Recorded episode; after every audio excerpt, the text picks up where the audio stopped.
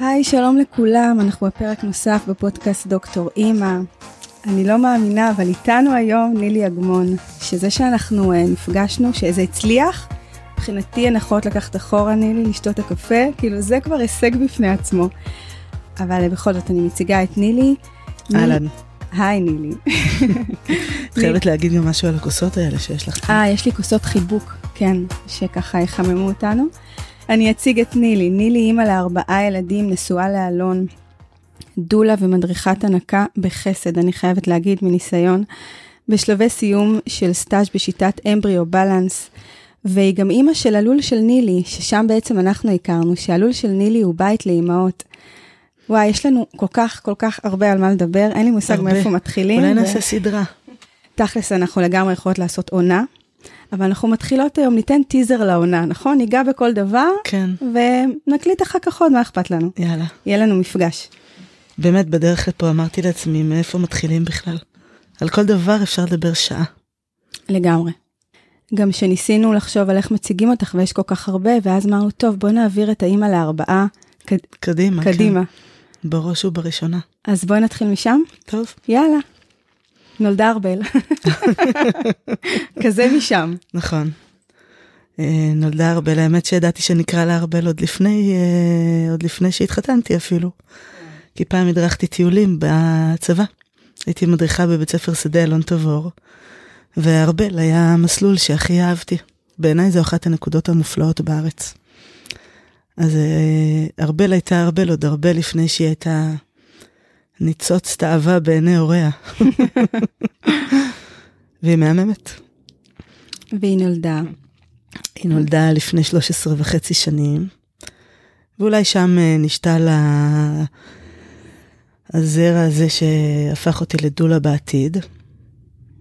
אה, הייתה לידה מדהימה, טבעית, בחדרי הלידה, בחדרים הטבעיים בלניאדו, עם מיילדת מקסימה, פנינה, ואחרי שארבל יצאה, היה לי דימום מאוד חזק.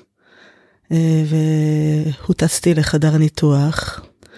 אה, היה לי איזשהו קרע פנימי. לכולנו שלום. כן, וואו. אבל זה היה, הייתה חוויה מכוננת כזאת, חוויה טראומטית, אני מניחה, בסופו של דבר.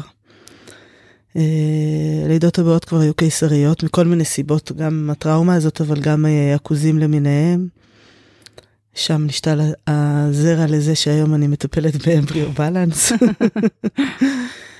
יש הרבה מה להגיד. אני חושבת שאחרי הלידה של ארבל, למרות שהייתי מאוד מאוד מאוד מוקפת במשפחה ובתל אביב, אז היה דיאדה בתל אביב, ו basically גרתי בדיאדה, אה, אבל עדיין הבדידות הזאת, בטח אה, דובר הרבה פעמים, הבדידות הזאת של להיות אחרי לידה, אני חושבת שזה מה ששתל את הזרע להקמה של הלול, לימים.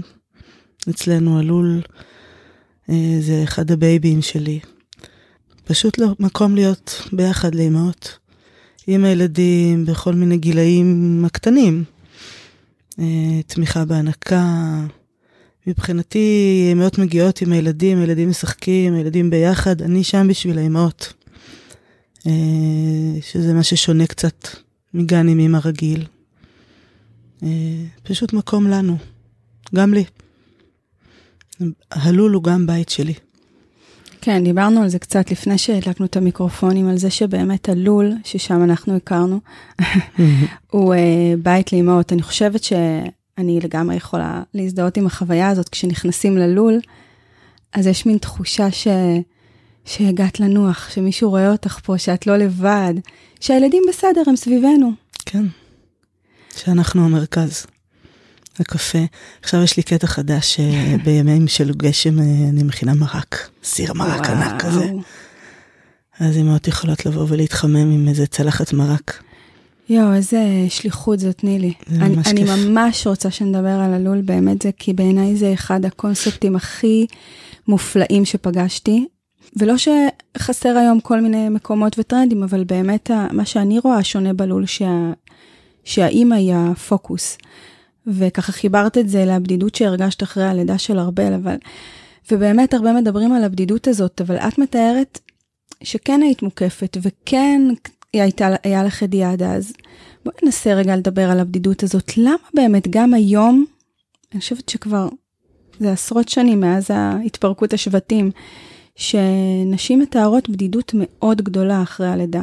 מה יש שם? אני חושבת שאצלי הבדידות הייתה ממקום של חרדה נורא גדולה, אולי בגלל הדרמה הזאת בלידה.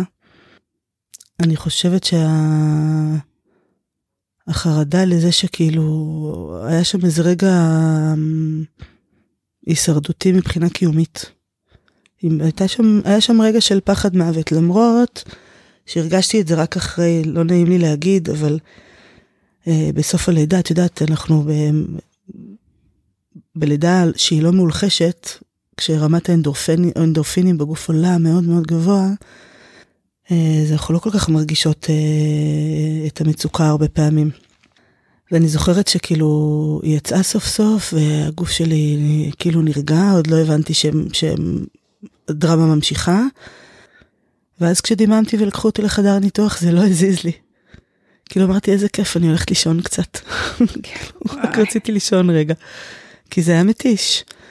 אבל את גודל הדרמה אני חושבת שהרגשתי אחרי זה ואת המצוקה וגם הבן הזוג שלי אלון היה לו מאוד קשה אחרי זה. אני חושבת שהוא חווה שם טראומה נוראית. ויכול להיות שדווקא זה שההתחלה של ההורות שלנו הייתה מבהילה. השאיר אותנו עם איזה רמת חרדה מאוד גבוהה בתחילת ההורות, ולקח לנו הרבה זמן להוריד את מפלס החרדה. אז יש איזה מקום שמאוד מזדהה אצלי עם אמהות בתחילת הדרך. כי כשאתה בחרדה, כשאת בחרדה בתחילת הדרך, אז את בחרדה על כל שטות, כאילו, עד לרמת איזה משחה לשים על התחת. אה, של התינוקת. כן, מובן. אמ, כל דבר נראה הרה גורל כזה. אני חושבת שמהמקום הזה איכשהו לאט לאט נולד הלול, וכש... אה, היה אצלי baby boom אחר כך, ולימים הפכתי לאימא לארבעה ילדים תוך חמש שנים. אה, אלעד נולד אחרי שנתיים ותשע, ואז אה, נכנסתי להיריון עם רותם ויותם, שהם תאומים. בחמש שנים בעצם היו ארבעה ילדים. וואו. כן, היה מאתגר. מגניב ומאתגר, ושוב, מוקפת עזרה, באמת, ההורים שלי והאחים שלי, באמת, רק טוב, אני יכולה להגיד. מוקפת, ועדיין זה הארדקור.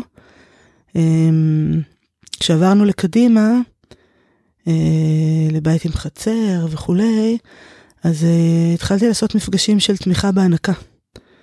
Uh, בהתחלה זה היה יום אחד בשבוע, ואני זוכרת בהתחלה הייתה אימא, שתי אמהות, תקופה די ארוכה. ואז התחלתי לקבל פניות מאמהות דווקא בפייסבוק. תראי איזה כלי. Uh, התחלתי לקבל פניות מאמהות של uh, ילדים של החינוך ביתי, אבל הקטנטנים. Uh, קוראים לזה יותר גדלים בבית, נכון? כן. אה, פשוט ביקשו אם אני יכולה לפתוח עוד איזה יום לאימהות של חינוך ביתי של הקטנים. כאלה שלא שולחות אליי לגן, את מכירה אותם? אני אגיד, אבל למען אלה שפחות. כן. אה, בנות שלא שולחות לגן ומעדיפות להיות בבית עם הילדים ומתמרנות את החיים שלהם בשמיניות באוויר אה, כדי לשרוד כלכלית ועדיין להישאר בבית עוד קצת ולגדל את הילדים בהתחלה. ואולי גם אחרי. ואמרתי, טוב, נעשה ניסיון, ופתחתי יום אחד, וזה היה מגניב. בימים הראשונים, כאילו, הפעמים הראשונות, אני זוכרת שישבתי בחצר שלי, התחילו להגיע כל מיני אמהות, וישבתי עם חברה, איילת, שהייתה עם ילד בן שנה, אז כן, עדיין חברת נפש. הייתה עם בן שנה בבית, והיא גם הייתה, וישבנו בחצר, והגיעו כל מיני אמהות זרות, והסתובבו לי בחצר, אני זוכרת שהסתכלתי עליהם, אמרתי לאיילת, איזה, לאיילת, איזה מוזר זה, אנשים מסתובבים לי בבית. ואת יודעת, זה מדהים, כי היום הבית כל כך בית פתוח. הדלת פתוחה, הן נכנסות ויוצאות, אם הן צריכות משהו, הן לוקחות מהמקרר. אה, אם אני צריכה לצאת, ואת יודעת, לפעמים אני פתאום צריכה, קוראים לי לבית ספר, אני צריכה ללכת לטיפול, אה, קוראים לי ללידה, או פעם אני עברתי איזשהו ניתוח. אמהות תפעלו את הלול, זה כאילו היה ממש בית, גם עדיין, מה זה היה? עדיין, גם בשבילן. אני משאירה להם מפתח, הן פותחות, הן סוגרות. פשוט אה, גם בשבילי זו משפחה, ממש משפחה. אני חושבת שלפגוש את האימהות בנקודת זמן הזאת, אה, זה כל כך, גם כמו שאת אומרת, ש, שגם נוגע לך במקום שאת התחלת איתו, זה באמת מאפשר מקום, זה מאפשר מקום פשוט להיות. כל מיני דברים קורים שם, אני יודעת. כן. הכל קורה כמו בבית, אבל זה קצת באיזשהו אופן, יש בו איזה צליל של, אה, הזכרתי את זה בהקשר אחר, של השבט הזה, שנפגשות אימהות וילדים ביחד, מכל מיני גילאים צעירים. נכון. וזה פשוט נותן אוויר. אני זוכרת את הימים שידעתי שיש ימים קבועים שאני בלול, וזה נותן אוויר לכל השבוע. כן. וזה נראה לי לא במקרה באמת מקום שהרבה נשים מוצאות עצמן נהנות להגיע לשם, לנוח. האמת שלראות אותך בכניסה זה תמיד היה מנחם, לא משנה איזה בוקר עברתי, מה קרה עד שנכנסנו לאוטו, מה קרה עד שיצאנו מהאוטו. זה תמיד היה מקום להתנחם בו. חמודת. ממש, וכאילו הנה תראי, אני כאילו עדיין מרגש אותי מאוד, ממש. כי זה באמת תקופה מאוד, אה, מאוד פגיעה. כן. תקופה מאוד מאוד פגיעה. זה באמת מקום, אני חושבת שזה מאוד מאוד חסר, הבדידות הזאת שתיארת, אני חושבת שזה כמעט לא פוסח. במיוחד אימהות שבוחרות להישאר יותר בבית. כן. המון ביקורת עצמית, אני כל כך רואה את זה כל הזמן. אני מתבדחת על זה עם אמהות. אה, את יודעת, יש אמהות שהן כבר ממש ממש משפחה, ואנחנו יכולות לרדת אחת על השנייה קצת. הן יכולות לבוא ולהאשים את עצמן, ואני אסתכל עליהן ואני אצחק עליהן, ואז הם יצחקו עליי. עליי, נגיד, אני מופרעת קשב ידועה. אז כל פעם שאני שורפת משהו, תוך כדי הלול אני תמיד מעמידה איזה סיר לילדים, כי הם חוזרים הביתה קצת, כמעט די מיד אחרי הלול אני הולכת להביא אותם. אה, ופתאום נכנס לי גדוד ילדים רעבים הביתה, אז תוך כדי הלול אני מעמידה סיר תמיד לילדים, איזה, לא יודעת, אורז, פתיתים, אה, קציצות, ווטאבר. שליש מהפעמים אני גם מצליחה לשרוף את זה. אז הן צוחקות עליי. אז מה את פוגשת שם בלול? Uh, באמת הכל. אני פוגשת אותן uh, מגיעות אחרי לידה טרוטות עיניים, עייפות, לפעמים רעבות. אם אחרי לידה שתיכנס, אני תמיד יודעת, כבר אכלת היום משהו? ולפעמים יגידו כן, בא לי, השאיר לי או לא, ולפעמים הם uh, כזה יעשו פרצוף מובך, ואז אני מיד אכין משהו. אה, ולפעמים אה, הם יבואו שפוכות מעייפות ואני אקח להם את הילד, זה הרגעים שאני הכי נהנית. אה, לגנוב תינוקות ולהלביש עליי במנסה, אני מאוד מתגעגעת לזה. הייתי עושה עוד ילד רק... יש לי תמונה ששי ישן עלייך, את יודעת? כן? גדול. שאת יושבת על הכיסא קש הזה. כן. פשוט שי ישן עלייך. אני זוכרת שיכולתי אז, ששי היה תינוק, ואז יכולתי להתפנות רגע ליותם, שהיה בעצמו תינוק. נכון, נכון, זה בדיוק הקטע. אני הרבה פעמים אה, שואלת תינוק מאחת האמהות, מלבישה עליי במנסה, זה ווין ווין סיטואשן. גדול. במיוחד אימהות. אה, אני חושבת שאחד הרגעים, ה... לא רגעים, אחד ה... אחת התקופות היותר מורכבות בשבילי הייתה אה, כניסה של ילד שני למשפחה שלנו. אז אני, אני, טוב, תכלס, אני מזדהה עם כל uh, רגע, בכל uh, הורות, בכל אימהות של כל אחת. אז כל פעם שמישהי מגיעה מיד אחרי לידה ויש לה עוד ילד איתה, אז אני די מהר בהזדהות מוחלטת. לוקחת, לוקחת תינוק, ונותנת לה רגע להתייחס לאח הגדול. בין השנתיים, שנה, שלוש, כזה. זה ממש צורך. לגמרי, באמת כנראה באימהות שלך פגשת כל כך הרבה מקומות. כן.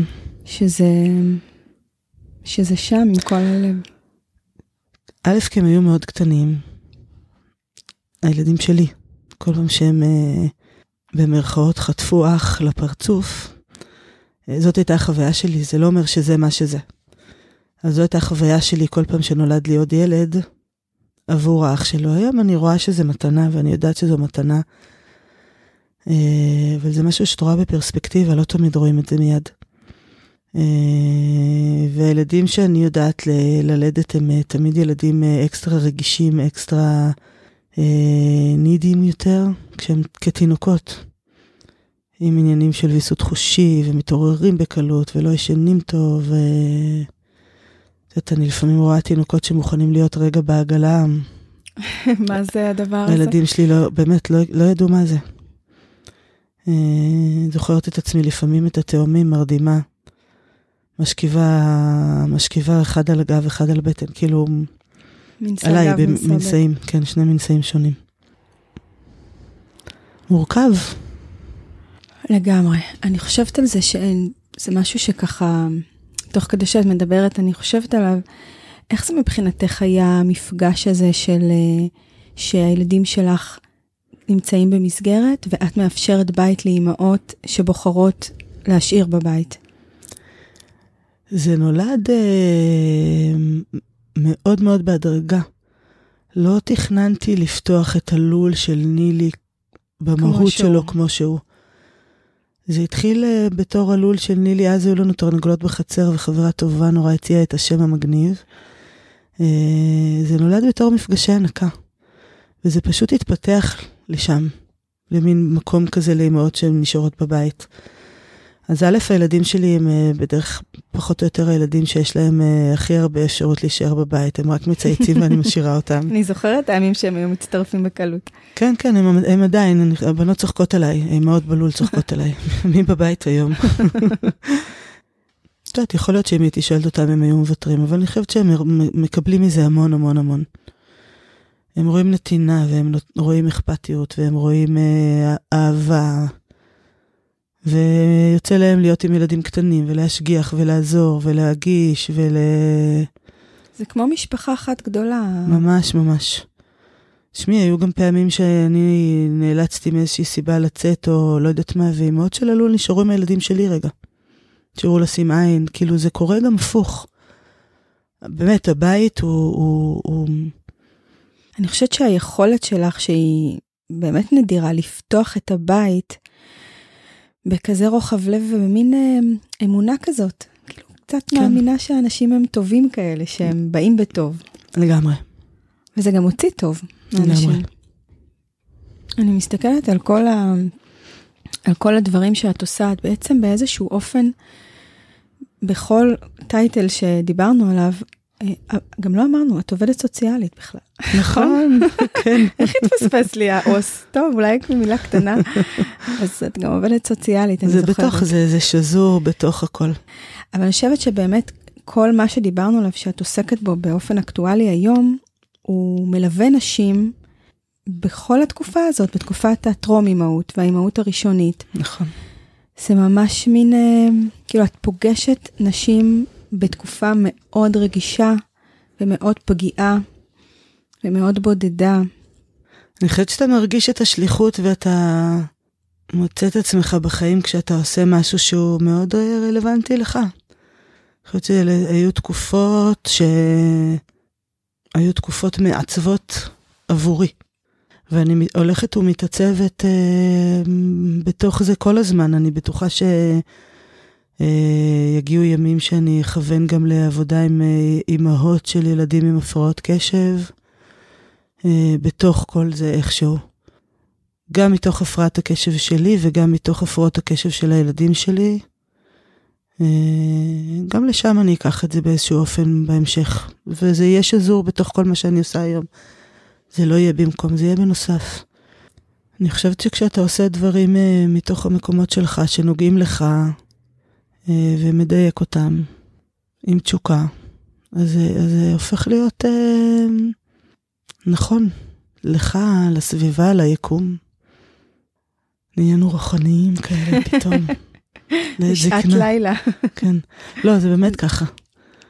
נראה לי שזה גם בא עם, ה... עם הבשלות.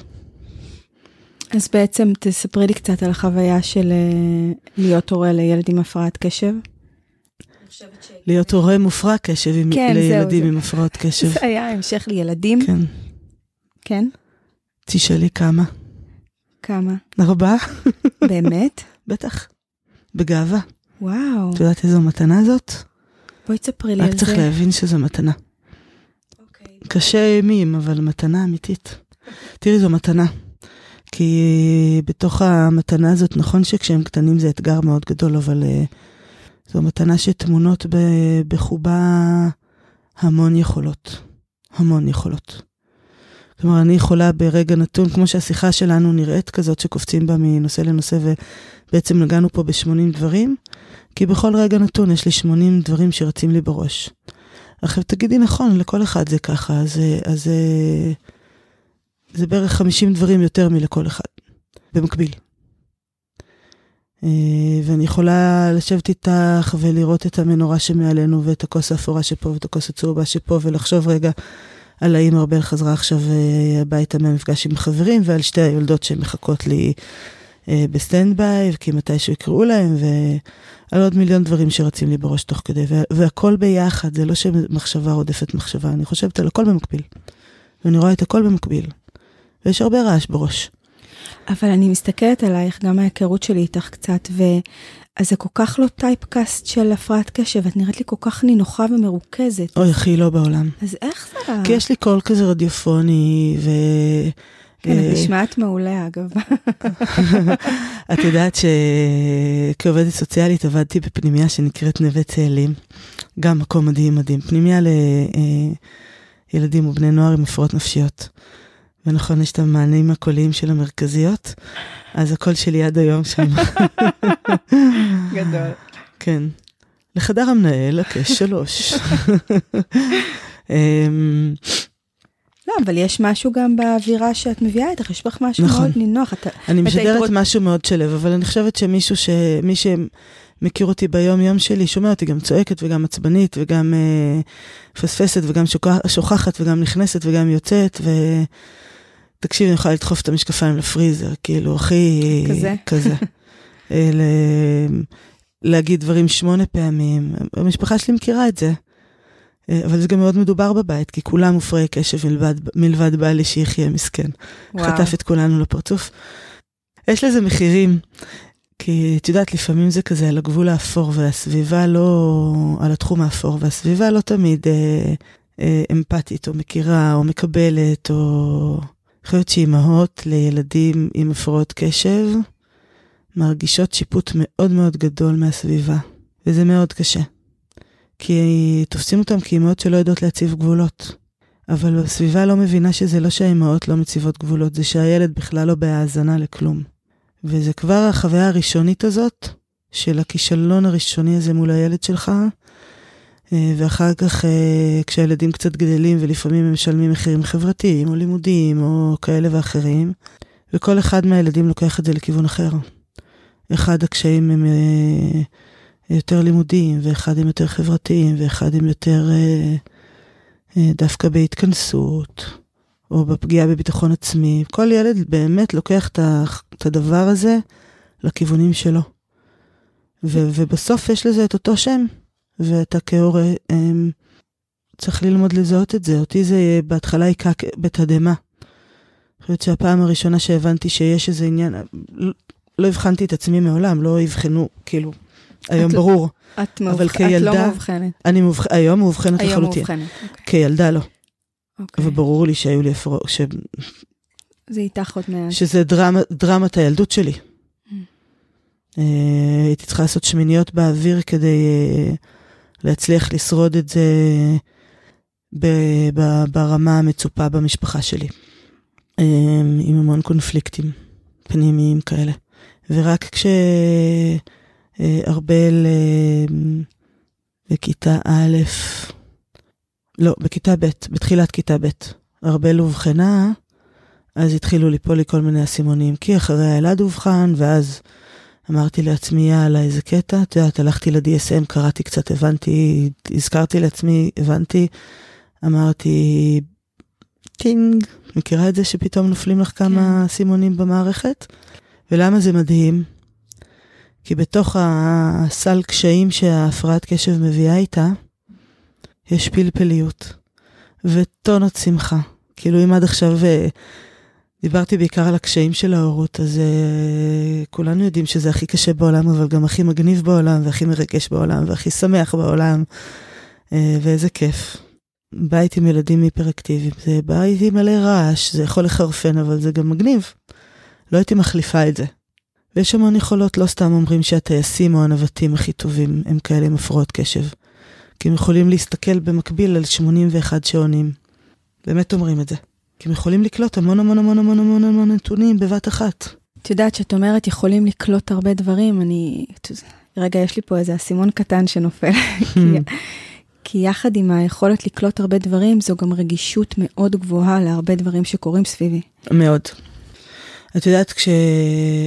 כשאלון ואני רק ככה היינו איזה שנה ביחד וטיילנו, עוד לפני החתונה, נסענו לכמה חודשים לטייל בחו"ל, ואני זוכרת אותי, רואה, את עצמי רואה דברים ו- ו- ו- ונוגעת בכאב של אנשים עם סף רגישות, באמת, הסף רגישות שלי הוא באמת נורא גבוה. רגישות של הלב. כאילו, אני יכולה לראות אה, כמו רנטגן רגשי כזה, לראות מה עובר על אנשים. לפעמים אתה באמת הולך ו- ונושא באלף איתך כאב מאוד גדול של אנשים אחרים. גם התרגשות ושמחה של אחרים, אבל הכאב הוא, הוא חונק לפעמים. וזה נכון. אז אה, עד היום אני נושא את הכאב המשפחתית במשפחה המורחבת נגיד, או... לא יודעת למה נזכרתי בזה. הם מאוד רגישים, מאוד. כל הארבעה שלי. רגישים לסביבה, לא תמיד התובנה החברתית נגיד היא... או התובנה של, שלהם כלפי עצמם וההתנהגות שלהם בסביבה אה, היא מדויקת או נכונה, או את יודעת, כל אחד ברמות שלו. אבל אה, לראות, אה, הרמת, זה מה שאני מנסה להגיד, רמת האמפתיה שלהם בשמיים. בשמיים. יכולות אמפתיות מאוד גבוהות. אבל את מחברת את זה לקשב? יכול להיות שבמידה מסוימת כן, אבל לא רק. אני חושבת שזה גם קשור לבית כן, שהם גדלו בו. יכול להיות לבית, ואולי גם משהו מולד כזה. אינטליגנציה רגשית גבוהה. לפעמים בא לי להגן עליהם קצת יותר, לא תמיד אפשר. חלק מהם מאוד סובל. מה זה אומר סובל? סובל חברתית. לובש שם בקצת עניינים של ויסות, לא קצת, הרבה עניינים של ויסות גם. אמ, הרבה נידוי. לפעמים בא לי ללכת לבית ספר ולעשות איזו הרצאה על האחר הוא אני ולנער אותם. את יודעת, אם היה מותר הייתי מוכנה להיות אלימה קצת לפעמים.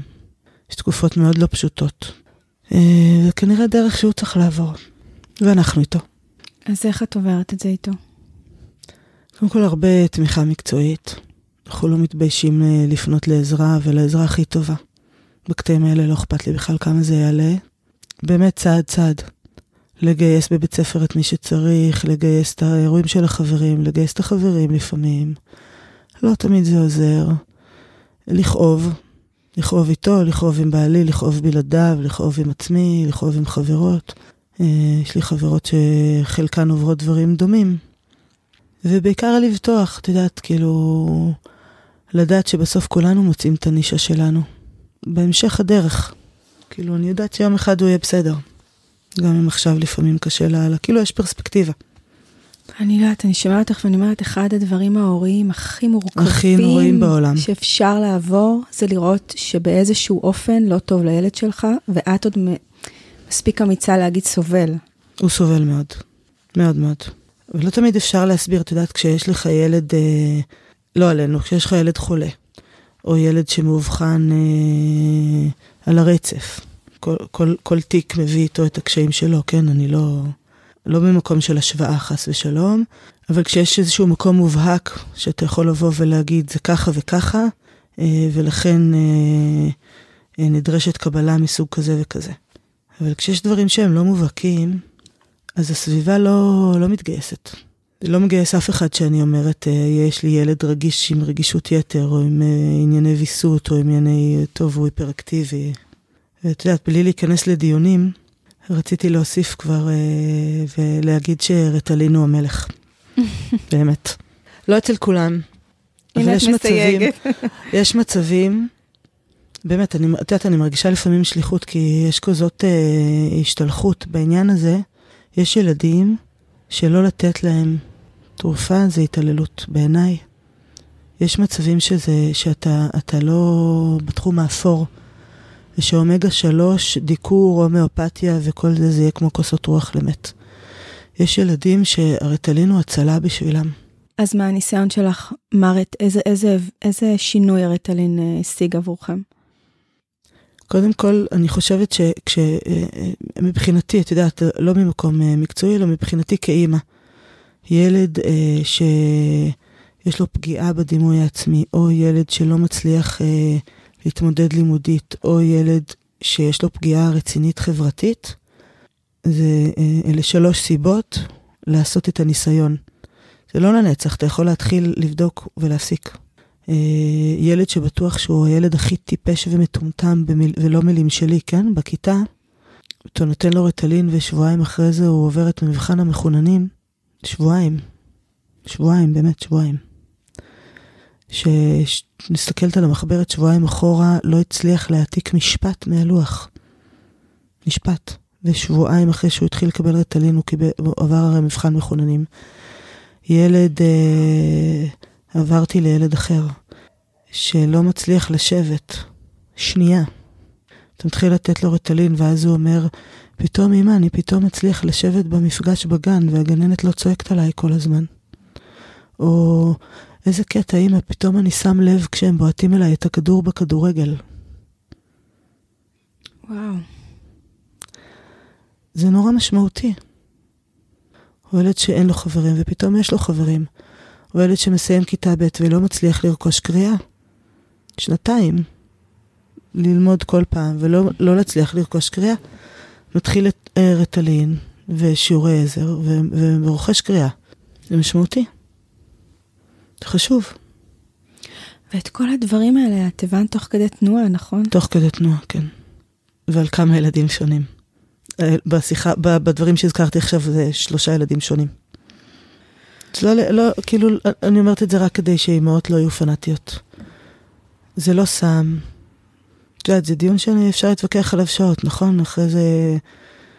אני חושבת שאחד המסרים שאני הכי באמת אומרת לאימהות, גם uh, בהכנה ללידה, וגם בהנקה, וגם כשאימהות באות ללול ומדברות איתי על, uh, על שינה של תינוקות, וכן ייעוצי שינה, לא ייעוצי שינה, uh, וכל מיני כאלה. אני אומרת להם, תראו, אתם תשמעו 80 מיליון דעות על כל דבר אה, ש, ש, ש, ש, שתשאלו לגביו, אתם תקראו ב, אה, בדוקטור גוגל, אתם תש, ת, ת, תקראו בפייסבוק, אתם תקראו אה, או תדברו עם חברות, ואתם תשמעו 80 מיליון דעות על כל דבר.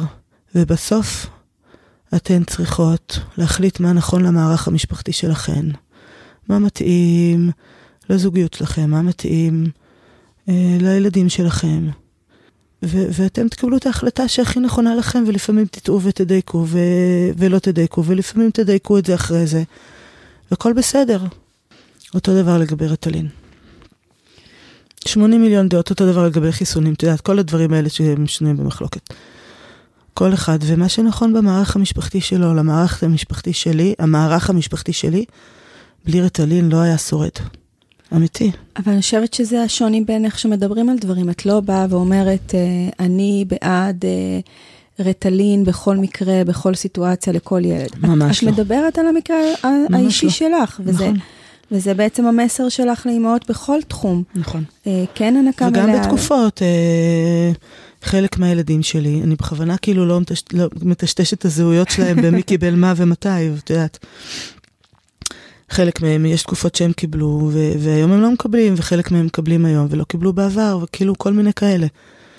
אני חושבת שזה מסר זהב לכל דבר. נכון. בין אם זה להנקה, ובין אם זה לשינה, ובין נכון. אם זה נכון. למנסה, ובין אם זה כמה נכון. להיות בבית אפילו עם הילד, לאיזה נכון. תקופה. נכון. אני אתן לך דוגמה על הנקה. ארבל ואלעד ינקו מעל שנתיים. ואז הגיעו רותם ויותם, ואני כבר הייתי מדריכת הנקה. אלעד היה בן שנתיים כשהם נולדו, התאומים. ארבל הייתה בת חמש. נאבקתי על ההנקה בשיניים, אה, ולא הצלחתי להגיע להנקה מלאה, זה היה אחד הדברים שהתאבלתי עליהם כל הזמן. לא הצלחתי להגיע להנקה מלאה. אלעד היה תינוק מאוד uh, רגיש ומאוד uh, נזקק. ורותם ויותם מהבית חולים כבר הם ירדו מאוד במשקל ונאלצתי לשלב להם. אז את יודעת, באותה משפחה יש ילדים שיונקים יותר, יונקים פחות, מקבלים תמ"ל, משלבים להם, ובכל תקופת חיים ובכל מצב אנחנו מתאימים את מה שצריך לאותם אה, רגעים במשפחה. אה, ויש ילד שצריך אה, קינוע לארוחת צהריים, ויש רגל ש... ילד שצריך שוקולד למריחה לארוחת צהריים. רחמנא ליצלן. לא לסקול אותי באבנים. אני עורכת את זה, נילי, אני לא מוכנה כן, שיהיה פה שוקולד למריחה. שלא יהיה שוקולד למריחה ליד תמ"ל. את יודעת, ויש אימהות שאני הראשונה שאגיד להם, תקשיבי, די, די, שחררי את זה. כמדריכת הנקה, אני אגיד לה שחררי, ויש אימהות שאני אלחם איתן בשיניים, כמה שהם יצטרכו, עד גיל 17, שימשיכו להעניק. שמגיעים מהמקום הזה, שיש, שמסתכלים על הדברים כרצף, ושהכול הוא לגיטימי והכול בסדר, רק השיח הזה כשלעצמו מוריד את, ה, את סף הלחץ והחרדה האימהי, אני חושבת בהמון. כי אם כל אם צעירה שתפגוש בך תבין שאין נכון ולא נכון. אין. אין דבר כזה באף תחום. וגם שאנחנו חייבות להיות קצת פחות שיפוטיות כלפי עצמנו. אה, אני חושבת שאת יודעת מה, אולי זה גם מה שהכי הכי מאפיין את הלול. נכון, תמיד אומרים אה, נולד תינוק, יוצאת שליה, אה, שתצא השליה רק תמיד. אמן. אמן, אוף, באמת. נולד תינוק, יוצאת שליה, ואז נולד שק רגשות האשם, נכון? וכולנו כל הזמן עסוקות בלהאשים את עצמנו בהכל. כן. אז אפשר להגיד, לצאת מפה בקריאה של חלאס עם זה כבר? די, אנחנו באמת, כולנו עושות את המקסימום שאנחנו יכולות. היה לך איזה רגע שאמרת, די, אני, כאילו, שאמרת, אני לא עושה את המקסימום, התעצלתי, לא עשיתי את המקסימום שיכולתי היום למען מישהו פה. לא היה. תראי, יש דברים שבדיעבד אתה, זה לא חוכמה. חוכמת הבדיעבד היא מאוד טריקית פה, אבל יש דברים שאתה מסתכל בדיעבד ואתה אומר, יא אללה. דוגמה אני אתן לך. רומי אה, היא רגישה ללקטוז, אבל לקח לנו זמן לעלות על זה. ואני, על כל יום שהיא סבלה, אני אוכלת עצמי. איך לא עליתי על זה קודם? אולי כי הבכורה שלך, וכי לא ידעת על זה קודם, ו... כאילו כל התשובות נכונות, ועדיין המחשבה שהיא כל יום סובלת מכאבים ובחילות, ואני... אבל אני אגיד לך איפה האשמה, היא לא למה... כי אני עמוסה. אני עמוסה בעוד כל כך הרבה דברים. יש פה עוד שני ילדים שכל אחד מהם הוא 200 אחוז, והיא דווקא הגזרה הרגועה והשקטה. נכון. וגם הסבל שלה, הוא היה נכון. שקט כזה ומופנע, היא פשוט לא היה לה טוב. נכון. ואני לא הייתי מספיק אה, קשובה ופנויה, שם האשמה. שכאילו לא הצלחתי, את יודעת, לפנות עצמי לזה. עד שכן, אבל את יודעת, אז על המקומות האלה, שאני... שאני במקומות אחרים ולא תמיד בפוקוס מתאים על משהו שצריך. נכון, מצד שני, את עכשיו, אה, אה, להמשך הדרך, תדעי לשים כאן כזה, בזווית שלך מאחורי הראש, את הפוקוס על השקט הזה של רומי. ואת תזכרי שבתוך אלה שהם 200 אחוז, רומי היא... היא בשקט שלה לפעמים מתפספסת. ואת תחזיקי את הדבר הזה, של רגע, מה קורה איתה בזמן האחרון? יש לי אחת כזאת גם. בזמן האחרון היא מתחילה להשמיע קולות מעצבנים, כדי שישמעו אותה. כי בתוך ה-200 קילומטר בשעה של... אה, את יודעת, אה, לא בקטע ג'נדריאלי, אבל הבנים תופסים יותר... אני אה, איתך שם, אני איתך שם. הם יותר... כן, כן. הם יותר עם האייג', איך נגיד את זה בעדינות. אז הבנות שהמון פעמים הן בלי האייג', קצת נבלעות. והמצוקה שלהם מופנית כלפי פנים. וזה משהו שאנחנו כאימהות חייבות לשים לב. שהרבה פעמים האימהות, לא, הבנות שלנו לא עושות, אה, לא מראות את המצוקה שלהם ב acting out, אלא ב acting in, ואנחנו צריכות לשים לב לזה. אבל מדי פעם את הולכת ועושה רק איתה יום כיף. בטח, בדיוק. זה הכי כיף. נכון. דיברנו על זה למטה שהכנו נכון, קפה. בדיוק, בגלל זה נזכרתי בזה. שזה הימים נכון. שאני עושה אותם ונהנית מהם. בדיוק. מאוד. וזה בדיוק בגלל המקום הזה שהיא בוגרת יותר, והיא כבר, והתקשורת איתה כבר אחרת. כיף לי איתה. זה בדיוק מה שקורה לי הרבה עכשיו, כיף איתם, כיף נכון? כיף לי איתה. נכון. איזה מגניב זה, ולפעמים השיח הנשי. ואת יודעת, לפעמים אחרי מקלחת אנחנו מתלבשות ביחד, ויש את הרגעים האלה של השאלות הנשיות שכבר באות. כן, כן. כזה, היא תהרוג אותי שאני מדברת על זה, אז אני, אז אני אה, אגיד לך אחרי זה שלא, בדיוק, שלא להקלטה, אבל זה מהמם. לדבר, לדבר אה, אה, נשית. כל מיני תהליכים שקורים לנו, ו- ולעבור את זה ביחד, ולהתרגש ביחד, או ללכת, אה, זה, נגיד, ארבל ואני נסענו יחד לפראג. Out of the blue, ממש. כי כאילו חוץ לארץ זה לא משהו שקורה אצלנו הרבה בכלל, בכלל, בכלל. תקשיבי, זה היה כמו לנסוע עם חברה נורא נורא נורא טובה. ככה אני ממש. מרגישה איתה. נכון? וזה, וזה קורה גם רק כי אנחנו מאשרות להם גם את המקום ההורי הזה לרגע. והן כן. מרגישות גאווה מאוד גדולה בזה, ואחריות מאוד גדולה. כאילו, אני חושבת שצריך, ברור שצריך למצוא את האיזון. סתם, לא יודעת איך נקלענו לפה. כי זה הכל בתוך הרעש של ההורות. באמת. של... אה, של הפחד ש, ש, שנהרוס אותם ונקלקל אותם. תכלס, אני לפעמים אומרת לכל, לחברות כזה בצחוק, אם הם אלה בגיל 20 הם הלכו לפסיכולוג. והם אלה הם התלוננו עלינו. זה לא משנה מה ננסה, אז למה שאנחנו ברור. נאשים את עצמנו עכשיו, אנחנו באמת, באמת עושות את המקסימום שאנחנו יכולות, באמת, ו- ואנחנו עושות טעויות, אבל כאילו, מה אני אעשה? לי יש איזשהו חשש מה, מהמקום הזה של להגיד, אני עושה את המקסימום, אני עושה את המקסימום, וקצת להירדם בשמירה. כי יש משהו שיכול להיות גם בקלות לגלוש למקום פסיבי. אני רוצה לדעת שאני כל יום יכולה לעשות יותר טוב, שאני כל הזמן יכולה להשתפר, שאני... שאם יש טעויות שעשיתי, אז אני לא אגיד לעצמי שטויות, את אימא מדהימה והכל בסדר. לא, אני, אני רוצה להסתכל על זה ואני רוצה להגיד, היה פה קטע, מחר אני רוצה שזה יהיה יותר טוב. אז נגיד במקום הזה אני לא כך עושה לעצמי הנחה, אני כן מסתכלת על דברים וכן רוצה כל הזמן להשתפר. לגמרי. גם אני, מה זה עושה לעצמי הנחה? אני חופרת אה, אה, טוחנת עד דק כל מקום כזה. אבל באיזשהו שלב צריך לשחרר את זה, אחרי שחפרת, אה, הבנת מה, במה, במה את רוצה לתקן ואיך תעשי את זה אחרת. או תנסי לעשות את זה אחרת, ולפעמים תצליחי יותר או לפעמים תצליחי פחות. אני לא אוותר על, אה, על, על, על לבדוק את עצמי ולבדוק את עצמי ולבדוק את עצמי ולהשתפר ולהשתפר ולהשתפר. כן, כי להחזיק את המקום שבאמת אנחנו עושות טוב, זה, זה, זה יכול לחזק. כן, אני, אני מפחדת להרפות. כן. אני מפחדת להרפות, אני מפחדת להגיד אני בסדר וזהו. אבל את חושבת שתרפי? איפה? לא. כאילו אין שום סיכוי בעולם הרי.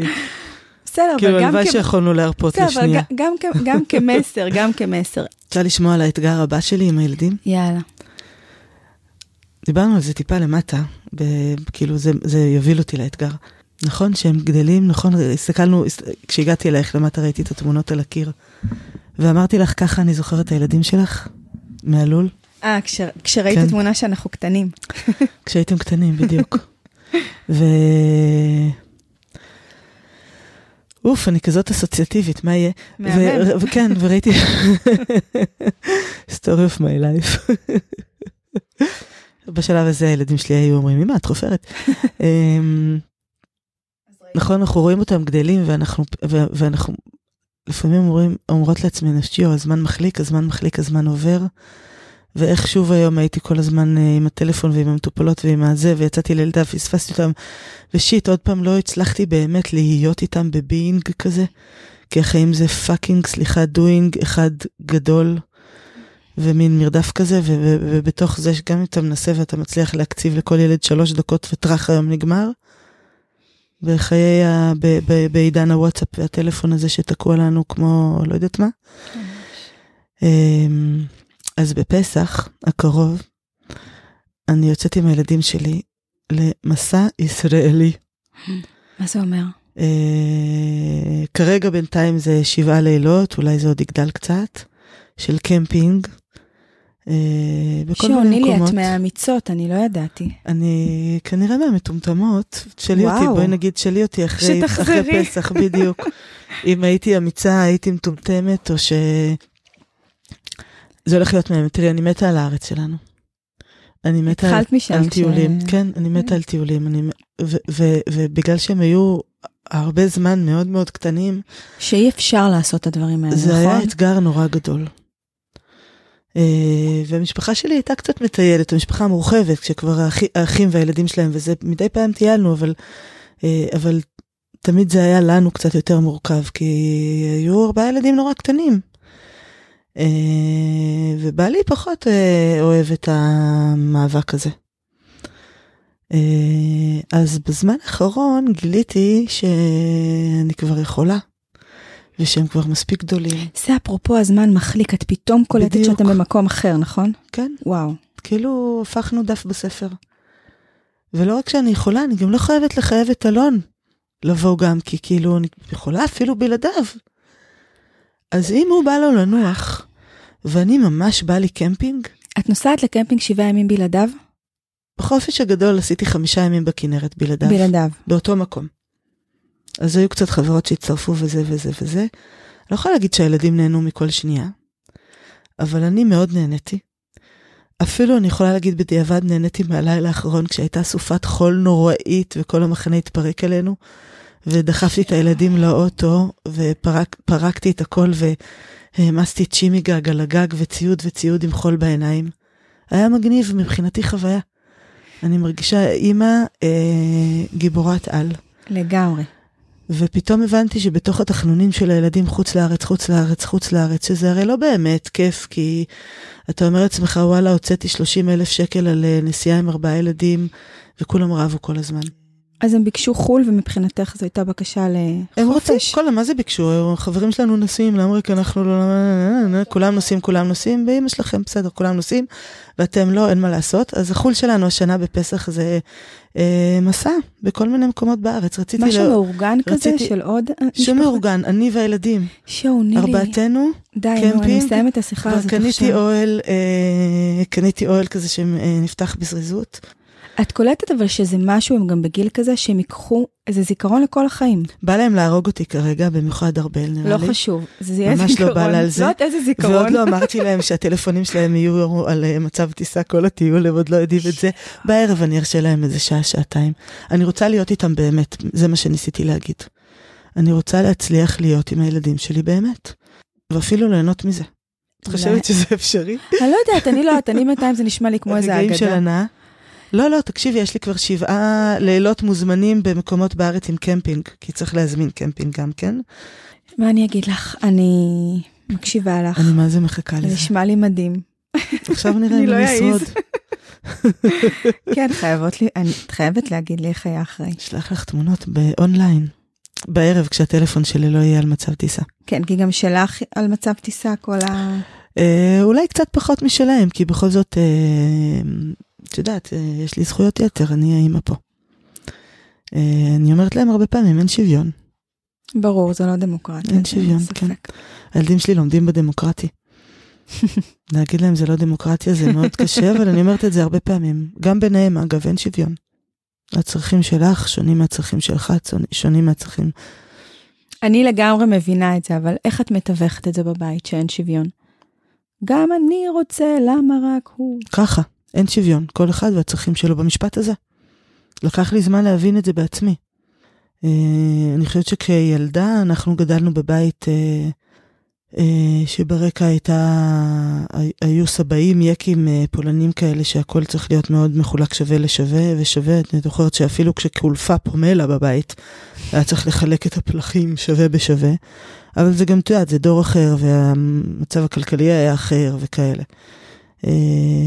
אבל לא, אין שוויון. היא יותר גדולה, היא תורמת את חלקה בבית, יש לה יותר זכויות. היא זקוקה לפחות שעות שינה, אתה צריך יותר שעות שינה. היא מתפקדת למחרת אם היא ישנה פחות, אתה לא. כאילו אין שוויון, כל אחד והצרכים שלו. שוב, אחד אוהב קינוע ואחד אוהב שוקולד, אין מה לעשות. כן, אני חושבת שזה אחת המתנות שאפשר לתת להם, באמת השיקוף הזה ש... שכל אחד הוא... נכון. עם הצרכים המאוד ספציפיים שלו. נכון. ואני חושבת שגם יש פחות היסטריה סביב ה... המקום הזה, כשהצרכים של כל אחד גם מלאים. אני לא חושבת שאני אצליח בחיים לא, להגיע בח... לנקודה שבה הצרכים של כל אחד מלאים. אולי זה גם משהו ש... שאנחנו צריכות לקבל ולהבין. אין לנו סיכוי למלא את הצרכים של כל אחד ב-100%. אין 100%. אין 100%. אנחנו יכולות רק, באמת, באמת, זה, זה לא קלישה, אנחנו יכולות רק לעשות את המקסימום שאנחנו יכולות. ואולי אפילו אחד המסרים הכי חזקים זה לא להזניח אותם, אבל גם לא להזניח את עצמנו. באמת, למצוא את השניות האלה, למצוא את השניות האלה. הרגעים הקטנים, זה לא אומר עכשיו לצאת לבית מלון סוף שבוע.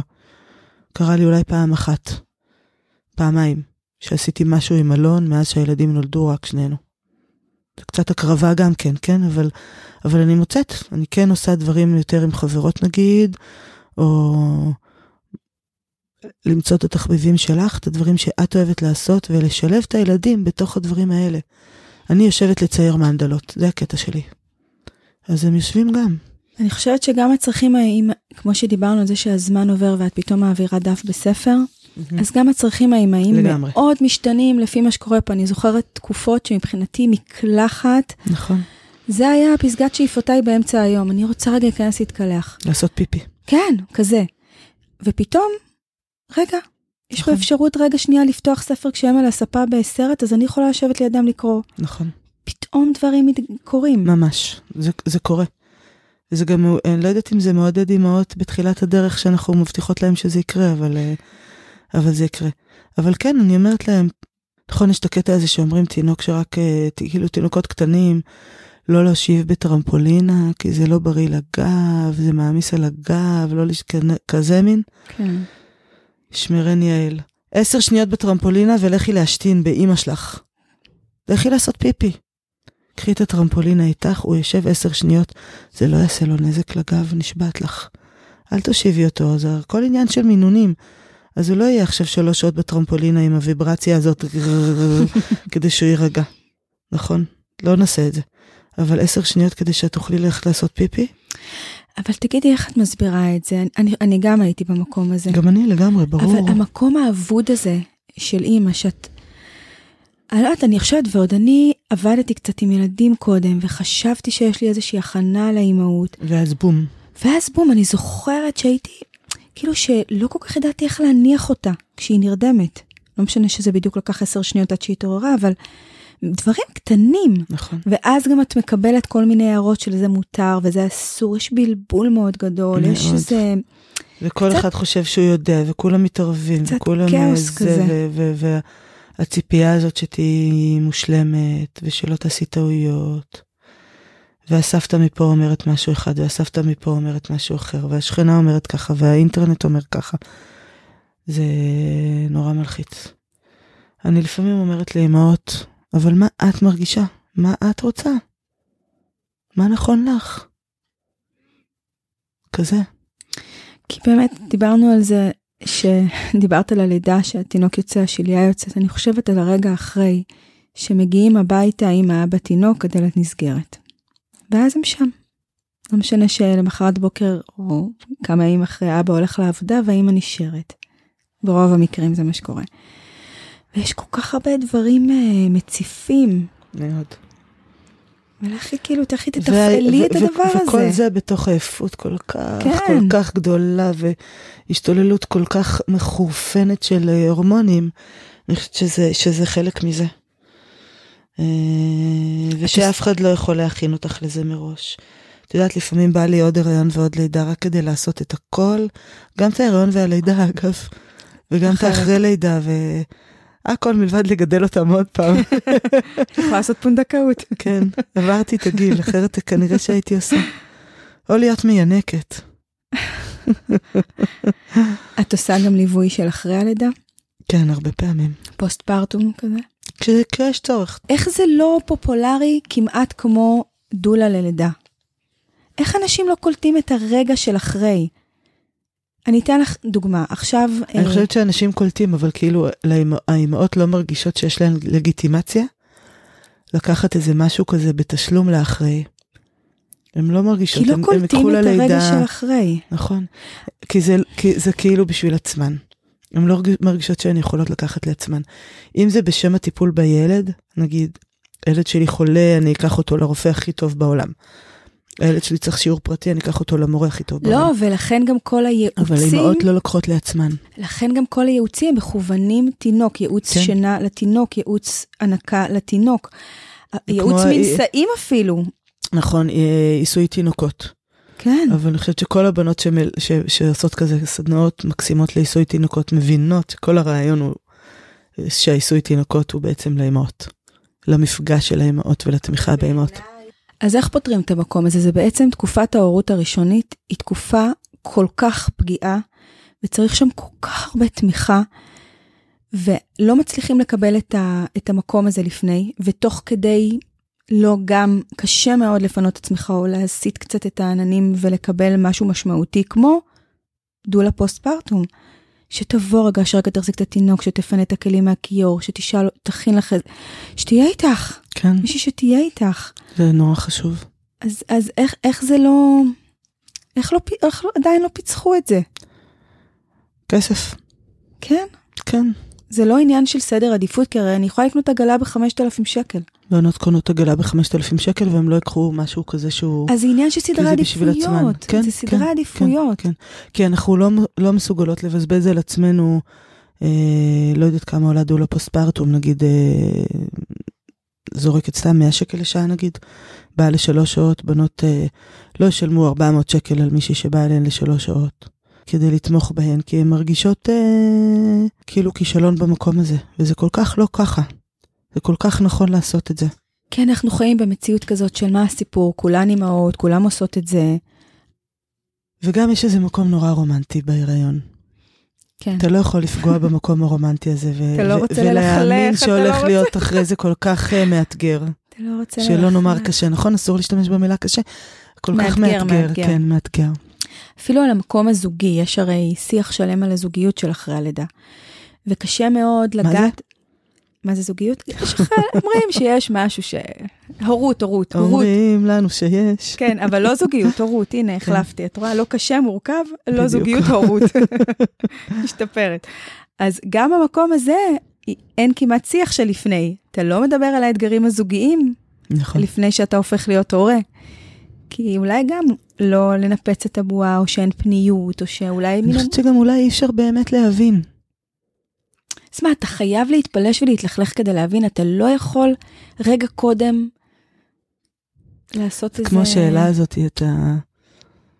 האם אתה יכול להיות אה, רופא לב בלי שהיה לך התקף לב? האם אתה יכול להיות... אה, אם, אם אתה יכול לטפל בגייז בלי ש...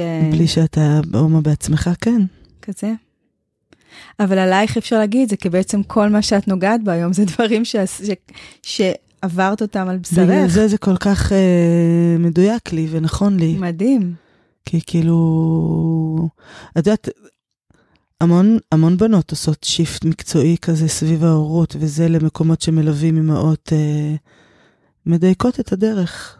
משבר גיל ה-40 כזה. אז אצלך זה משם? זה נראה לי התחיל הרבה קודם, לא? התחיל הרבה קודם, כן, לא, משבר גיל ה-40 לווה אצלי בכמה קעקועים. באמת? עשית קעקועים של גיל 40? אה, כן, כמה, כן. כן. פגיעה הורית כזאת, אבל הם יפים. אמ, עשיתי את הדיוק המקצועי תוך כדי, אבל כאילו נשארתי בתוך עולם העבודה הסוציאלית בעצם. את יודעת, יכולה לבוא אליי אימא, מה זה יכולה? קרה. אה, הלול נסגר בדרך כלל ב-12 וחצי. יום אחד מצלצלת אליי אימא ב-1 וחצי. עכשיו, ברבע לשתיים אני יוצאת לקחת את הילדים מבית ספר. ואומרת, אני פה מחפשת את הלול ואני לא מוצאת. ובאיזה מספר באחת. זה? באחת וחצי, ואני אומרת לה, אמרתי לה את המספר של הבית, ואמרתי לה, אבל הלול כבר סגור, אני תכף יוצאת לקחת את הילדים. אז אמרה לי, לא, לא, אני כבר חצי שעה בדרך אלייך, אני באה. אז אמרתי לה, אבל אני יוצאת לקחת את הילדים, אז היא אמרה לי, לא חשוב, אני באה, וקלטתי את הרעד בקול. שלה, ואמרתי לה, טוב, בואי תיכנסי רגע, ונכנסה בחורה שלושה שבועות אחרי לידה, עם עיניים נפוחות מבכי, את יודעת, שלושה שבועות, תינוק, קפיצת גדילה וזה. ואמרה לי, לא ישנתי כל הלילה, ולא אכלתי, ולא זה, ולא זה, ולא זה, ופשוט לקחתי ממנה את התינוק רגע, שמתי לה צלחת עם אוכל, כי בדיוק סיימתי לה- להכין לילדים משהו, הושבתי אותה לאכול, אמרתי לה, תקשיבי, שבי תאכלי, בחורה שאני לא מכירה, שבי תאכלי, אני אה, הולכת להביא את הילדים בבית ספר, ואני חוזרת. השארתי אותה אצלי בבית לאכול. אבל את מבינה שהיא רק סמל לכל כך הרבה אמהות, נכון. שזה מה שהן חוות, בש... נכון. כאילו מה זה כל- כך, אני חושבת שכולן חוות משבר ב... נכון. אי אפשר לדלג על. זה. יש כמה יחידות סגולה או שהן פשוט לא מודעות, אני לא יודעת, ש, ש, ש, שרק נהנות כל הזמן. אני רואה גם כאלה מהממות, שעושות מהלימון לימונדה. וגם אני חייבת להגיד שזה באמת, אה, אה, יש שם משהו מולד הרבה פעמים אצל הילדים, שהם עם טמפרמנט נוח, וגם, לא, זה גם, חוזרת בי, זה גם state of mind הורי. אבל זה אבל הרבה המון פעמים המזג. זה המון המון המון המון המון לא, רגע, שנייה, לא. אנחנו מתקנות פה, תקשיבי שנייה. קודם כל, ילד נולד עם מזג, לג... לגמרי, נכון? לגמרי, חד משמעית. נכון שכהורה אתה יכול להשפיע על זה. נכון. אבל אני, אני מחזיקה בזה. שזה... לא, לא, חד משמעי, יש את הילדים האלה שאם את ת- תנהלי בית רועש, הם לא ישנו דקה. וכשהם הולכים לישון, את חייבת שהבית יהיה שקט. וזה לא רלוונטי, כל אלה שיבואו ויגידו, אני מרגיל אותם לישון ברעש, אין מצב. אוקיי, בוא נראה אותנו. יפה לנו. מה עוד? אה, יש לנו כזה דדליין בזמנים? ממש לא. אה, עד לא, אמצע הלילה, לא. אנחנו יכולות להמשיך לדבר לא, שנה. לא, מבחינתי לא, אני רק חמודה. תפתחי לי חלון להפרעות קשר, אני יכולה לדבר על זה אה, ארבעה פודקאסטים רק על זה. יש לי מסר לעולם עם העניין הזה. אז בוא נמשיך, בוא נמשיך משם. מה, בא לי לצעוק, קבלו את האחר, לא יודעת איך לעשות את זה. לא יודעת איך. אני רואה את הסבל מסביב. את יודעת, מתוך הדרמה של החיים שלנו היום, אבל uh, יום אחד אני אקח את זה לאנשהו. לקבל את האחר. כן, את יודעת, האחר הוא אני. בכל מיני רמות. כאילו, לא, אני, אני את יודעת, בא לי להגיד לאנשים לפעמים, אל תמציאו את הגלגל לבד. אל תמציאו, גם לאמהות, לאמהות אחרי לידה ובהנקה, אני אומרת להם, אל תמציאו את הגלגל לבד. לפעמים אתה פונה לעזרה, מקצועית. זה נחווה לי כ- it takes a village to raise a child, וזה נכון. אני חושבת שהקושי הוא כשהחירות היא, היא, היא לא מובהקת. מה היית עושה אחרת? אני? כן. אני לא יודעת, אני בתוך זה עדיין, אז אני לא יודעת להגיד. לא כהורה. בוא כ- נגיד שהייתה כמה? לך אפשרות כן להשפיע בתוך המערכת ולעשות משהו אחרת. אני ממש בתוך זה עכשיו, אז אין לי עדיין תשובה, אבל לפעמים בפנטזיה בא לי לקרוא לכל הורה בית הספר. ולדבר מהלב, כאילו, ב- ב- בלדבר, בלדבר מהלב אני הכי טובה. את יודעת, זה יכול להיות נורא חושפני ואני לא יודעת לאן זה ייקח ואם אה, חלק מילדיי ייפגעו מזה אחרי זה. אה, חלק מהם הכל סבבה, כן? אין אה, זה, אבל חלק, יש חלק שפגוע. וגם, את יודעת, בתוך זה אי אפשר להטיל הכל על, ה, על, ה, על האחרים. אני אגיד את זה אחרת, לפעמים, לפעמים כשיש איזה רגע קשה, אז אני שומעת מישהו מבני, מבין המשפ, מבני המשפחה שלי אומרים, אבל אני היפראקטיבי, אבל אני זה. ואני אומרת להם, בסדר, אבל זה לא תירוץ. גם אני היפראקטיבית, והנה אני מווסת את עצמי, ואני עושה מה שצריך, ואני קמה ואני מתפקדת, למרות ש ולמרות ש ולמרות ש ולמרות שזה, ולהפך, זה לא תירוץ. תתאמץ. אה, אז, אז גם אי אפשר לשים את הכל על, ה, על, ה, על, ה, על הזולת, בכותרת של האחר הוא אני. כאילו, גם לנו יש אחריות, אבל גם לזולת יש, כאילו,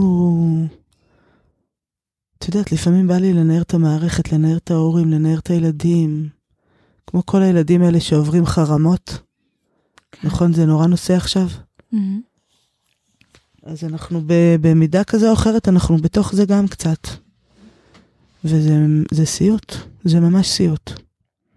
הטלפונים מבית ספר, אה, האומללות, זה ממש, זה ממש, אה, ממש דרמה. אני יודע לסיים עם זה יום אחד משהו, את יודעת, אני עוד צריכה לחשוב מה ואיך אני עושה את זה בלי, בלי שזה בתוך המערכת יתייג לי את, ה, את הילדים, ושתהיה לזה בעיקר תועלת ולא, ושלא יהיו לזה מחירים. אבל יש משהו בשיח איתך שמצליח להזיז דברים, כמו שאת אומרת, כשאת מדברת מתוך הלב, דברים קורים, דברים נוגעים, דברים זזים. את מרגישה שכשאת פונה או שאת מדברת, את לא מצליחה לעשות שינוי? אני יכולה להשפיע על האימהות, אבל, אבל הבעיה היא מול הילדים. השבוע היה, היה קטע כזה. הוזמן, קבעו, הייתי אמורה להקפיץ אותו, ואז uh, צלצלו אליו ואמרו לו, אימא של החברה לא מרשה שני ילדים. כאילו באימא שלכם. הוא האמין לזה, אבל אני, נקרע לי הלב. נקרע לי הלב. לא, מתוך ה- היכולת שלך האותנטית לדבר על הדברים, את נוגעת ב, בעצב חשוף הורי, שאני חנוכה, כאילו, אני זה אומרת... גם אחד הפחדים של כולנו. לגמרי, אתה אומר, לא אכפת לי הלימודים, לא אכפת לי כלום, העיקר שהוא יסתד... ש... שיהיה לו טוב חברתית. נכון, כן. אנחנו נורא מחזיקים בזה, מאמינים בזה, וזה גם אמיתי. נכון. ואת מביאה את זה, גם את לא מדברת על משהו שקרה ואת מספ... את אשכרה מביאה את זה תוך כדי. מהמם. עכשיו את, את כאילו יכולה לחוות את זה עם, עם... כאילו, זאת אומרת כוס עמק, כאילו, יש פה, יש פה באמת אחד המדהימים. תקשיבי. כי את מכירה את האיכויות שלו. רגישות, שאין ילדים כאלה. אין. לא, לא כי זה הבן שלי. אנשים מסביב אומרים, כאילו, מה זה הדבר הזה? ואכפתיות וכזה, ומצד שני רגעים של חוסר יכולת לווסת, או נוקשות בזמן משחק, כי הכללים צריכים להיות נורא ברורים. עוד תזזיתיות, כי מה נעשה? אמ, ADHD זה גנטי. כל מיני כאלה, כאילו, יש, אני, אני יכולה לראות גם מה מפריע לילדים אחרים. אבל מפה ועד רמות הסבל האלה, כאילו בא לך לצרוח. ואת חסרת אונים, כאילו את יכולה רק, לעשות, את באמת יכולה לעשות רק את המקסימום שאת יכולה. וזה תהליך, ואנחנו נפצח את השיטה. אני מאמינה בו לגמרי. הלוואי. מאמינה בו לגמרי. לא, גם את יודעת, הוא מולך, הוא הילד שלך, את מכירה את האיכויות שלו, את יודעת, ואין לך מה לעשות שם. Mm-hmm. אין דבר יותר קשה מלהרגיש חוסר אונים הורי. נכון, אבל uh, אני חושבת שהמזל הגדול הוא שחוסר האונים בא לרגעים. אני לא במקום של חוסר אונים. יש לי רגעים שכאילו אני מרגישה שכאילו... בעיקר ברגעים של הזדהות כבדה, שכאילו באמת בא לי ללכת להיכנס מתחת לשמיכה ולישון את זה, להתעורר בסוף גיל ההתבגרות, לעבור תחת זה ולראות אותו מפצח את השיטה. כי הוא יצליח, אני, באמת, אני יודעת שהוא יצליח, הוא יהיה בסדר. אמ, פשוט יש דרך לעבור עד אז. וגם לדייק, לדייק את המקום שלו. אולי המקום שבו נמצא היום היה מדויק לחלק מהשנים הקודמות, וש, ו, ו, ובאיזשהו שלב יהיה צריך לעשות איזה שינוי. כאילו כל הזמן לשאול את השאלות האלה. כל, את אמרת קודם, כל הזמן לבדוק את עצמנו. כן. כזה. כן, זה... כן, אני רוצה להגיד, לפחות זאת את שם איתו. זה מה שהכי אני רוצה להגיד. נכון, יש משפט כזה שאומר שאלוהים נותן כן. לכל אחד בדיוק את מה שהוא מסוגל להתמודד איתו, איזה אה. קלישאה, אבל יש בזה משהו. אני גם שמחה שזה אנחנו, גם, זה גם בעלי, לגמרי, שזה אנחנו איתו. אחד הדברים כאימא שאני עוברת איתם זה, זה לעשות את ההפרדה בין המסלול שלהם בחיים לבין המסלול שלי, מהמם. ולדעת שיש מקומות שכל מה שאני אוכל זה רק ללוות אותם, ולראות אותם ב... גם במקומות, כל מיני. כן, וגם באמת, יש לנו פרספקטיבה, את רואה לפעמים אה, ילדים שהיו איתך בבית ספר כשהיית ילדה, ומה הם עושים היום, ונגיד בנות ש, שלמדו איתי בכית, ב, בשכבה או בכיתה, ופתאום נתקלת בהם בפייסבוק, והן עושות דברים, את יודעת, באמת נורא רוחניים, ומדברות על תדרים, ועל העולם, ועל היקום, וכאילו, דברים שלא היית אה, מנחשת. מנחשת כשהיית בכיתה ו' כזה, נכון? שזה קיים בכלל. ואז בפרספקטיבה אני אומרת לעצמי, וואלה, יהיה בסדר. העולם, ב- העולם באמת פתוח לפניו. ויהיה בסדר. וכאילו אני באמת, באמת, באמת, באמת, באמת מאמינה בזה, למרות שזה מאוד סיזיפי בינתיים. וזה סיזיפי כל יום מחדש, כל יום, כל יום. והוא אחד מארבעה, כל אחד וחבילתו, אבל אה, את יודעת, להגיד תודה על היש, יש, יש הרבה.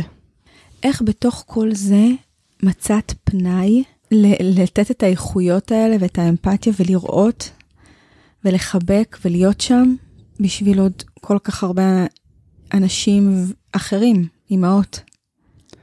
כי זה מה שאני יודעת לעשות. את יודעת, זה כמו שתשאלי אימא אה, לכמה ילדים, איך היא מוצאת פנאי לקום בשמונה וללכת עד חמש לעבודה ולעבוד בחברת הייטק ולהתלבש ולתקתק את עצמה ולצאת על עקבים ולהתאפר ולעמוד בפקקים ולחזור וזה וזה וזה וזה וזה ולהיות סמנכ"לית אה, של אה, אנא ערף כזה. אני לא יודעת לעשות משהו אחר, בזה אני טובה, זה... אני לא צריכה לעשות את זה במאמץ. אני חושבת שכשאני בלול ברוב הזמן, אני באמת, זה מה שאני מרגישה. כי את יודעת, זה גם כאילו, אני מתהלכת כמו איזה תרנגולת אה, בלול. כאילו, אני, אני בזמן הלול מלאה אדרנלין ונהנית, ו, וזה גם הקהילה שלי, וזה גם התמיכה הנשית שלי, והמעגל הנשי, כאילו, זה מעגל גם בשבילי. וזה כמו שאמרת לא במקרה, זה הלול הוא עוד baby שלך. הנאמנות היא ממש מורגשת. כשאת נכנסת להיריון השלישי לא ידעת, נכון? שזה יהיה שניים או שידעת? לא ידעתי שיהיה הריון. לא ידעת שיהיה, אוקיי, הריון בהפתעה שניים? הריון בהפתעה שניים תוך כדי הנקה. וואו. קטעים כזה. הריון בהפתעה שניים. את יודעת, שמחתי, הייתי בהלם, היה, האמת שאיך שגיליתי את זה, זה היה מאוד מצחיק. ספר? יאללה. קודם כל היה לי ברור שזה שניים די מההתחלה. כי? כי זה הרגיש אחרת, הרגשתי מאוד לא טוב. כבר היה לי לפני זה הריון של בת, היה לי לפני זה הריון של בן, אז ידעתי שאני מרגישה פה משהו אחר, לא יכולתי להגיד לעצמי, טוב, ככה מרגיש הריון של בת.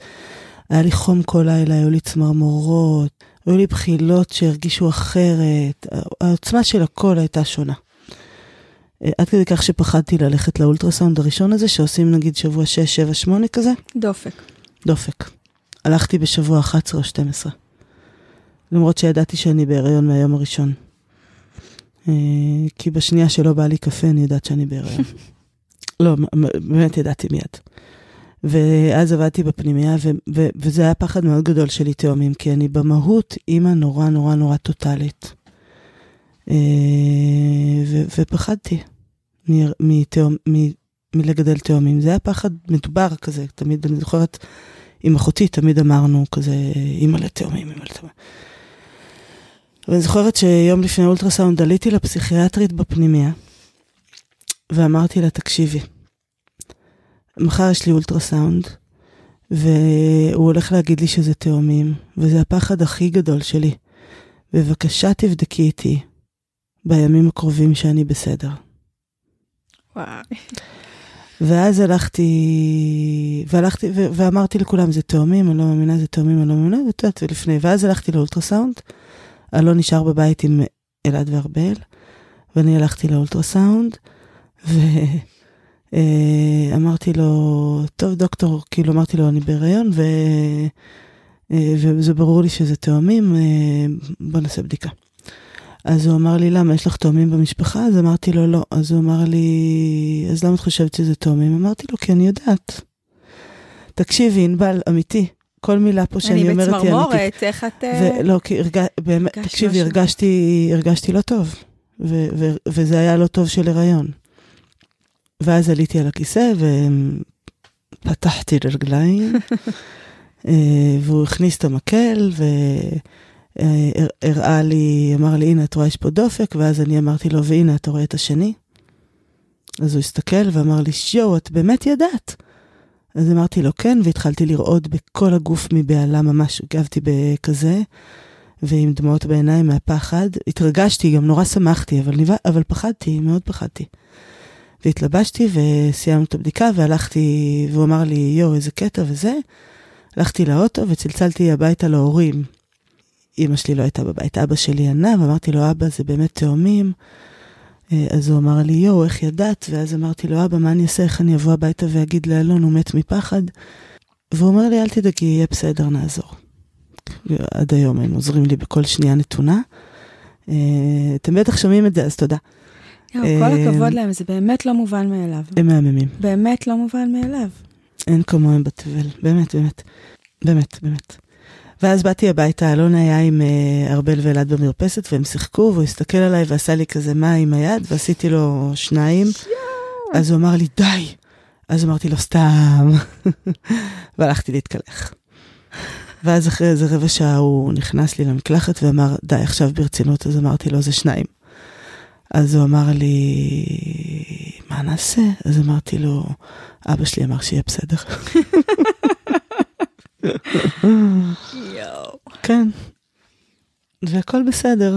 באמת הכל בסדר, אין תלונות. זה מאתגר וזה כזה, ואת יודעת, אנשים אה, מאותגרים מדרכים אחרות. יש אנשים שהיו לוקחים בשמונה ידיים את הפחד הכי גדול שלי, שמי ישמע רק תאומים, כן? אה, אז צריך להגיד תודה על מה שיש, והם מהממים והם מקסימים, והם... אה, היום בני שמונה וחצי.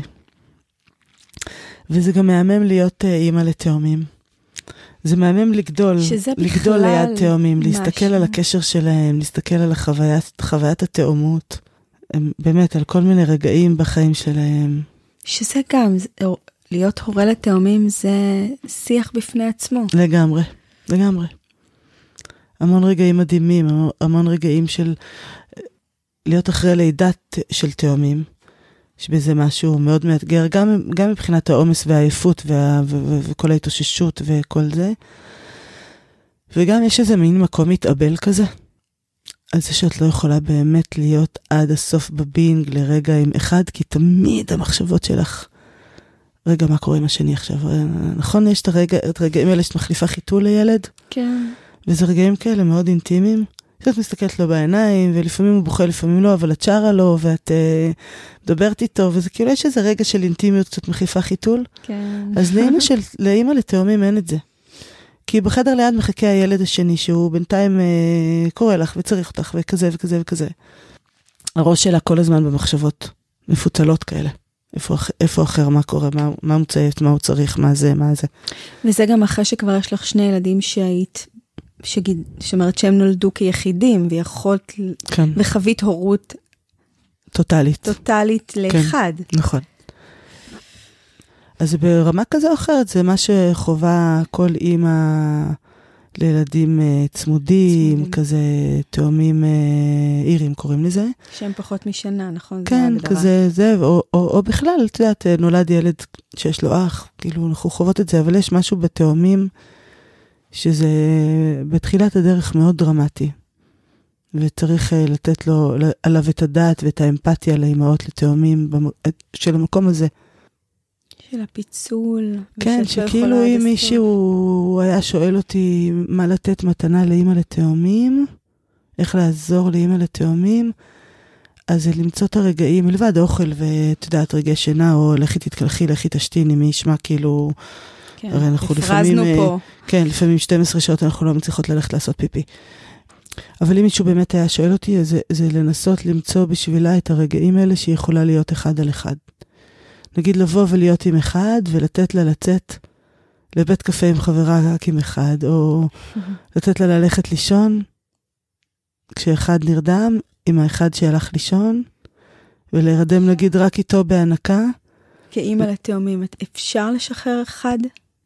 אני הרבה פעמים עשיתי את זה, היה לי קשה. מאוד. וכאילו זה היה תמיד בלב לא שלם וזה. אבל אה, אני עוד יכולה להגיד שמאוד ניסיתי לזגזג את זה כזה סימטרי. אה, שוב, זה לפעמים קצת תלוי טמפרמנט. היו תקופות ש... שכבר, ש...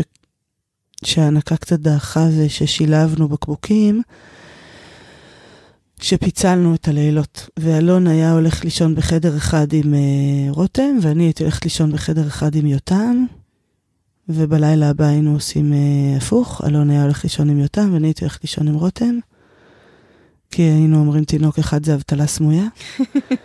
אה, ואז כאילו היינו מצליחים איכשהו לשרוד, כי זה כאילו להתעורר רק וזה מהתעוררויות של כשיש עוד תינוק אחד. שניים קטנים בבית שבוודאי גם... אה, אלעד היה בן שנתיים, הוא היה כל הזמן מתעורר, הוא פשוט היה ישן איתי בחדר גם, כאילו הייתה את המיטת מעבר שלו, וארבל כבר הייתה ישנה רצוף בתקופות האלה.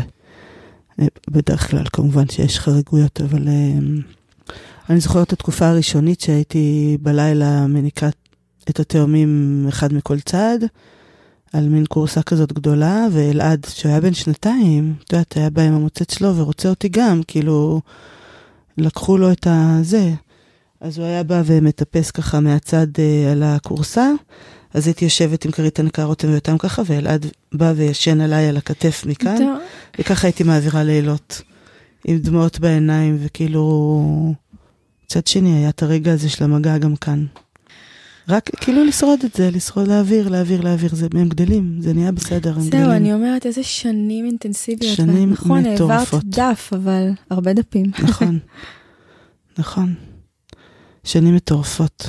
ו- ושוב, הייתה לי טונות עזרה, טונות, מה אני אגיד לך? זה טונות. באמת הייתה מבורך. תקופה שהייתה בחורה קיבוצניקית שישנה אצלנו איזו תקופה והייתה עוזרת לנו. אז איך את ידעת בהורות ראשונית לקחת את העזרה הזאת? לבקש אותה, לראות אותה? לא הייתה לי ברירה ו- והייתה לי עזרה כלכלית כדי לממן את העזרה הזאת. אבל לא הייתה לי שום ברירה, לא, באמת לא הייתי שורדת את זה אחרת. אני חושבת שכאילו היה שם דיכאון אחרי לידה שהבחנתי רק אחרי זה. מתי? אחרי שאני לא יכולה. אה, כן, יכול להיות שהוא, הוא, שהוא כזה אה, אה, נגרר איתי לאורך. את יודעת, ברמה קטנה, כזה כן. נמוכה.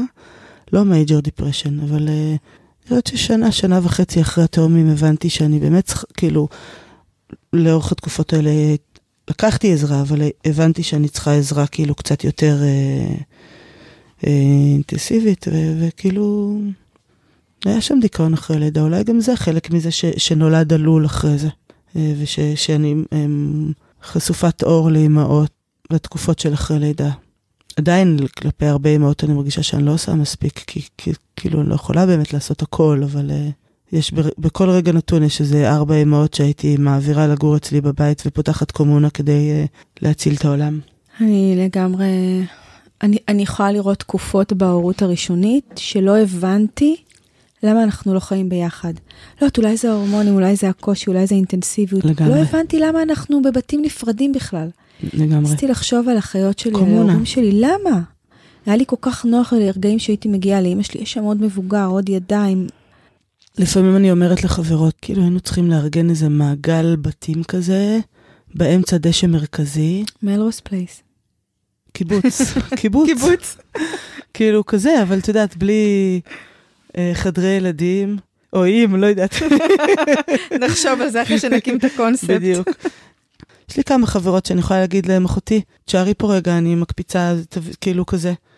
אה, נשאר מרק, את באה לקחת, אבל את גם, אני חושבת שאת כן מצליחה לייצר את המקומות האלה. כן. בתוך ה... בתוך הלול. בתוך הלול. בתוך הקהילה. כי אני מאוד כזאת, כי, כי, כי, כי זה צורך שלי ואין לי בעיה שהוא יהיה, ו, וגם אין לי בעיה שישרצו לי בבית ושייכנסו, ו, ואני חושבת שאלון אה, גיבור על הסתגל לזה והתרגל לזה וחי עם זה בשלום, ברוב המצבים. שזה גם לא מובן מאליו. תודה, אלון. אחר כך נעשה פינת תודות, אה, כן. נראה לי שזה מתבקש פה. יש כמה, יש כמה. מה עוד לפני סיום, ככה ש...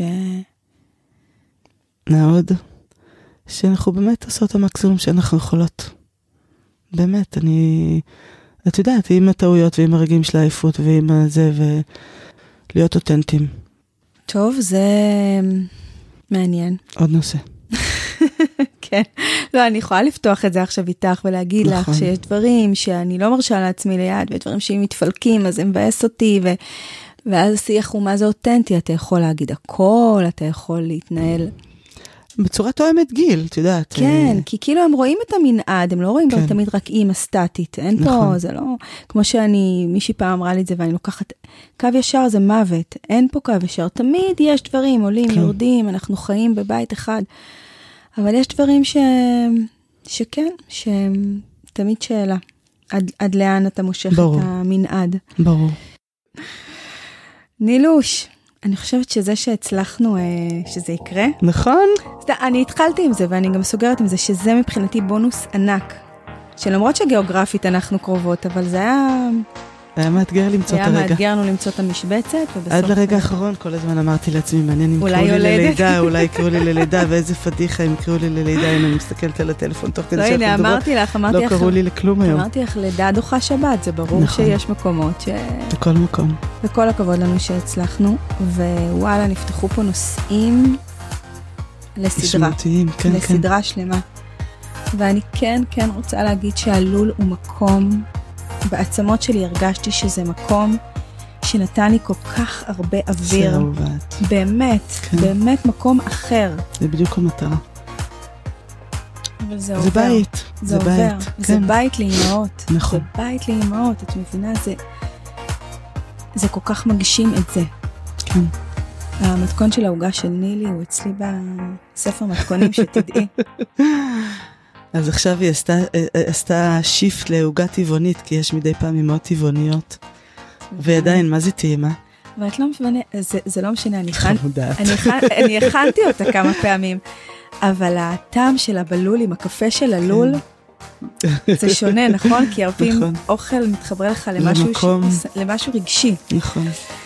אז אה, נילוש, אין לך ברירה אלא לבוא לשתות אין לי קפה ברירה ועוגה אלא בלול. לבוא לשתות עוגה וקפה טבעונית בלול, ואנחנו נעש... אם הצלחנו אה, לה- להתכנס כאן, אז אה, נכון. קטן עלינו. וואו, נילוש, היה כיף לדבר. היה ממש כיף לדבר, חייבים. ולילה טוב, לא? לילה טוב, כן. אי אפשר להפסיק, נכון? אי אפשר, אי אפשר, אבל אין זה זהו. כמו להגיד ביי ביציאה מהלול. נכון, תמיד אתה מתעכב ב... נכון. אז לילה טוב, נילוש. לילה טוב. תודה לכולם.